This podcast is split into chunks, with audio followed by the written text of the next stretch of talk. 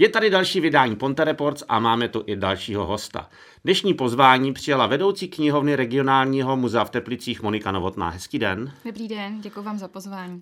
Moniko, všechna muzea, všechny knihovny jsou v současnosti zavřené, ale určitě za dveřmi regionálního muzea v Teplicích se nelení a když by se náhodou pes uvolnil, tak určitě připravujete nějaké výstavy, na co by se lidé mohli podívat. Takže co připravují v tuhle chvíli zaměstnanci regionálního muzea v Teplicích?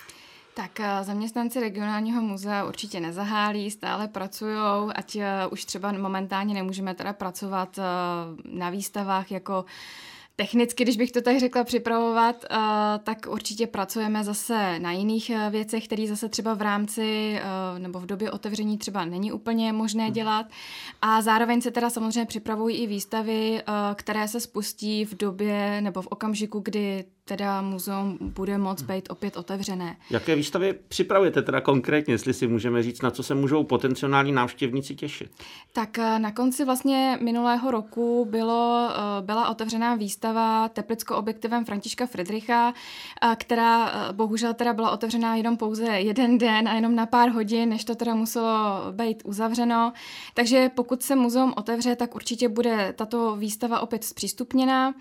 A dále poté, co se ještě chystá, tak to jsou třeba žánrové pohlednice, které by měly být teda od března, zase opravdu záleží, hmm. záleží na tom, kdy se otevřeme. A to je vlastně uh, ty žánrové pohlednice. Jedná se o 366 žánrových pohlednic, které Teplické muzeum dostalo darem. A jsou to pohlednice uh, s určitým jako blahopřáním, uh, takže jsou tam, uh, stahuje se to třeba ke kalendářnímu roku, takže Nový rok, Velikonoce, Letnice, uh, Svátek matek nebo různé samozřejmě jmeniny a narozeniny. A zároveň uh, by se i poukazovalo vlastně na techniku uh, výroby těch pohladnic, takže uh, jsou tam různé uh, ruční malby, uh, jsou tam uh, kolorované tisky, různé, různé druhy hmm. tisků. A nebo to ukazuje i na tu techniku, protože oni byli třeba zdobený i stříbrem, zlatem, uh, nebo různými třeba korálkami, tak, uh, nebo kameny, hmm. takže vlastně to je takhle ukázaný. Uh, další ještě výstava, která se teda připravuje, tak vlastně to jsou řemesla, je to vlastně z oddělení archeologie. A vlastně to je ukázka, co všechno archeologové při svých výzkumech můžou najít, protože vlastně středověký řemeslník nebo používal nástroje, nebo středověký člověk používal nástroje stejně jako my, které vlastně v rámci té své práce rozbil, zahodil, nebo je tam prostě někde nechal ležet. A vlastně archeologové tímhle tím chtějí poukázat, eh, co vlastně oni všechno můžou při těch svých výzkumech vyhledat nebo najít. A to se teda chystá, až bude možno se otevřít ano. v Teplickém muzeu. Ano, uh, tahle ta výstava, ta by teda konkrétně měla být uh, v červenci. Uh, pokud, dejme tomu, bychom se třeba měli otevřít určitě v březnu nebo v dubnu, tak to samozřejmě bude teda uh, to, te, to, to Teplicko objektivem Františka Friedricha a plus teda ty žánrové pohlednice. K Teplicku objektivem Františka Friedricha se ještě dostaneme, ale pojďme se teď podívat na vaši doménu a to je knihovna. Uh-huh. Co připravuje přímo knihovna regionálního muzea? Tak eh, knihovna, uh, také v knihovně je to vlastně nekonečná práce, ta, ta nikdy není ukončená. Uh, je to uh, vlastně my, co připravujeme, tak uh, momentálně v té době, díky to, nebo bohužel, že jsme vlastně uzavřený, tak uh, my vlastně katalogizujeme veškeré knihy uh, do katalogizačního knihovního systému. Uh, my vlastně máme také online katalog jako ostatní jiné knihovny, takže pokud vlastně badatel nebo návštěvník uh, si chce vyhledat, jaké knihy třeba u nás jsou, tak samozřejmě je to možné a je to teda skrze ten online katalog. Takže na tom, na tom vlastně pracujeme. Dále, co já bych ráda ještě udělala, tak eh, vlastně před eh, knihovnou bych ráda vytvořila stálou výstavu, eh, která by ukazovala vlastně na historii zámecké knihovny plus zámeckého divadla a celkově i na historii vlastně muzejní knihovny. No a jaká je tady historie zámecké knihovny a divadla? To s tím nějak souvisí zámecké divadlo s knihovnou? Uh, ano, protože vlastně zámecké divadlo, uh, nebo v prostorách zámeckého divadla vlastně sídlí dnešní, uh, dnešní kni- muzejní knihovna. Vlastně sídlíme v jejich prostorách. A když se řekne eh, knihovna regionálního muzea, tak už to zní tak, že jsou tam nějaké určité vzácné staré knihy. Je to tak? Co vlastně je ve sbírkách regionálního muzea, knihovny regionálního muzea v Teplici? A knihovna vlastně pečuje o přes 85 tisíc svazků a máme vlastně jak sbírkový fond, tak odborný fond. A vlastně sbírkový fond eh, těch eh, máme celkem vlastně máme šest sbírek v tom sbírkovém fondu. Jedná se vlastně o rukopisy, staré tisky, bibliofílie, regionální literatura a pak je to, taky jsou dvě vlastně historické knihovny, které jsou teda zapsány jako kulturní památka a to je zámecká knihovna uh, Klary Aldringenu a um, klášterní knihovna Cisterciáku v Oseku. Z kterého roku například jsou nejstarší knihy, které jsou ve vaší knihovně?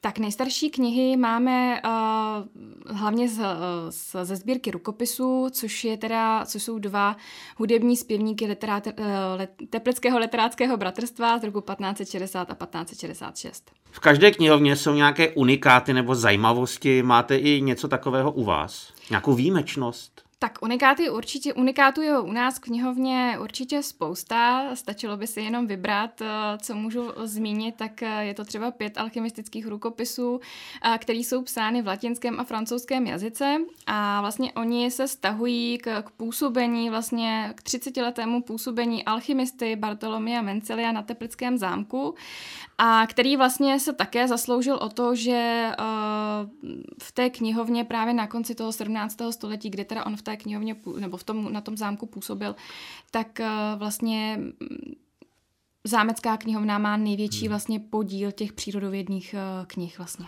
Tady na Mostecku působil Edward Kelly, který se snažil z něčeho vyrobit zlato. O čem jsou třeba tady ty alchymistické knihy? Tak eh, tyhle ty alchymistické knihy, tak ty pojednávají o teorii alchymie, je tam taky čtyři stupně ohně a jeho využití, anebo vytvoření univerzálního léku z kamene a lihu. A co když se nějaký amatérský alchymista bude chtít tady na ty knihy podívat? Je možné se k ním dostat? Je možné se k ním dostat. Oni díky tomu, že my se každoročně vlastně zapojujeme do, do programu VISK vlastně na digitalizaci rukopisů a na digitalizaci rukopisů, tak je možné je zhlédnout buď u nás samozřejmě v knihovně, pokud budou chtít, ale jinak jsou zdigitalizované a je možné si je prohlédnout v digitální knihovně Manuscriptorium. Přes eh, vlastně odkazy celkově se najdou i na našich webových stránkách regionálního muzea. Vy jste zmínila, že pod vás spadá i knihovna Oseckého kláštera. Mm-hmm. Kolik je třeba tady svazků a jakých knih je tady umístěno a co se tam vlastně třeba v tuhle chvíli děje? Tak eh, Osecká knihovna, eh, my vlastně Oseckou klášterní knihovnu spravujeme od roku 1968 a je tam přes 24 tisíc knih. Jsou to, my to tak jakoby rozdělujeme na starší fond a novodobější fond. Ten starší fond, to jsou vlastně rukopisy, inkunábule, staré Co tisky. Co to je inkunábule? Uh, inkunábule jsou vlastně uh, knihy vydané do roku 1500. Aha. A uh, takže vlastně ty inkunábule nebo ty staré tisky ze 17. a 18. století jsou tam různé graduály, nebo graduály, uh, jsou tam žaltáře, takže takové ty hudební rukopisy, a pak tam jsou kázání, nebo je tam přednášky vlastně z arcibiskupského semináře. A ten novodobější fond, ten je potom z 19. a 20. století a to jsou vlastně eh, knihy zaměřené tematicky na filozofii, historii nebo samozřejmě teologii. Pojďme od knih opět k muzeu a ke stálým expozicím. Co vlastně spadá v tuhle chvíli, i když je samozřejmě zavřeno pod stále expozice muzea v, Mos- v muzea v Teplicích. Já tady vlastně mám i knížku, která Teplické muzeum provází, 120 let Teplického muzea. Mm-hmm. Tak co v té knize můžeme najít a které jsou teda stále expozice, které u vás v tuhle tu chvíli jsou?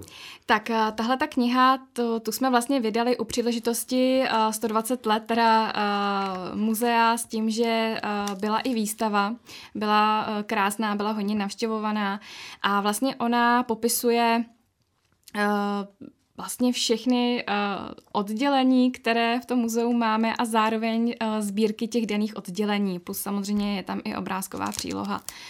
A stál mezi stále expozice, které u nás vlastně návštěvníci můžou vidět, tak si můžou v zásadě vybrat ze tří okruhů, kdy teda samozřejmě se podívají na porcelán, keramiku, samozřejmě zámecké interiéry, které tam jsou také možné k vidění.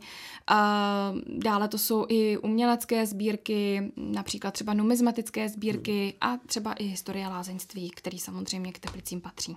Vy jste přinesla další knížku Umění v nouzi a ta opět souvisí s výstavou, která byla ke konci roku, nevím, jestli skončila nebo ještě trvá, i když samozřejmě asi lidé v tuhle chvíli vidět nemůžou. Uh, ne, ne, tahle ta výstava, ta vlastně probíhala od září roku 2019 do února roku 2020. Uh, zase výstava se jmenovala úplně stejně jako katalog. A vlastně výstava představovala nebo přibližovala vlastně sekci výtvarného umění muzejní společnosti v Teplicích v Šanově, která vlastně v Teplicích působila od roku 1932 do roku 1938. A oni vlastně chtěli eh, z Teplic, z Teplic udělat centrum výtvarného umění, nebo se snažili vlastně z Teplic vytvořit centrum eh, výtvarného umění prvorepubliko, prvorepublikové doby. A vlastně to stejné, co bylo na výstavě a možná ještě v rozšířené podobě najdou teda lidé v této knížce. Určitě ano, je to úplně stejné, plus je to samozřejmě rozšířené celkově o mm, širší souvislosti, bych to tak jako řekla, v takovém tom historickém kontextu, z hlediska i kulturního, i a uh, takže samozřejmě určitě je to zase o něco více obohaceno. No a poslední knížka, kterou jste nám přinesla, bude určitě radost pro teplické patrioty. A je to Teplicko objektivem Františka Friedricha. Mm-hmm. A ta už ta mě zaupoutala teda jako první, musím říct, přesto jsem si ji nechal naposled. Co všechno diváci nebo návštěvníci knihovny najdou uh, na této výstavě, která je spojená s touto knížkou? A co najde čtenář v knížce? Tak eh, tahle ta výstava eh, Teplicko objektivem eh, Františka Friedricha, já teda ještě abych jenom dodala, tak teda vlastně kurátorem té výstavy umění v Douzi byla doktorka Chlaborádová a kurátorkou téhleté výstavy je magistra Pavlína Boušková, jsou to teda, je to teda historické oddělení.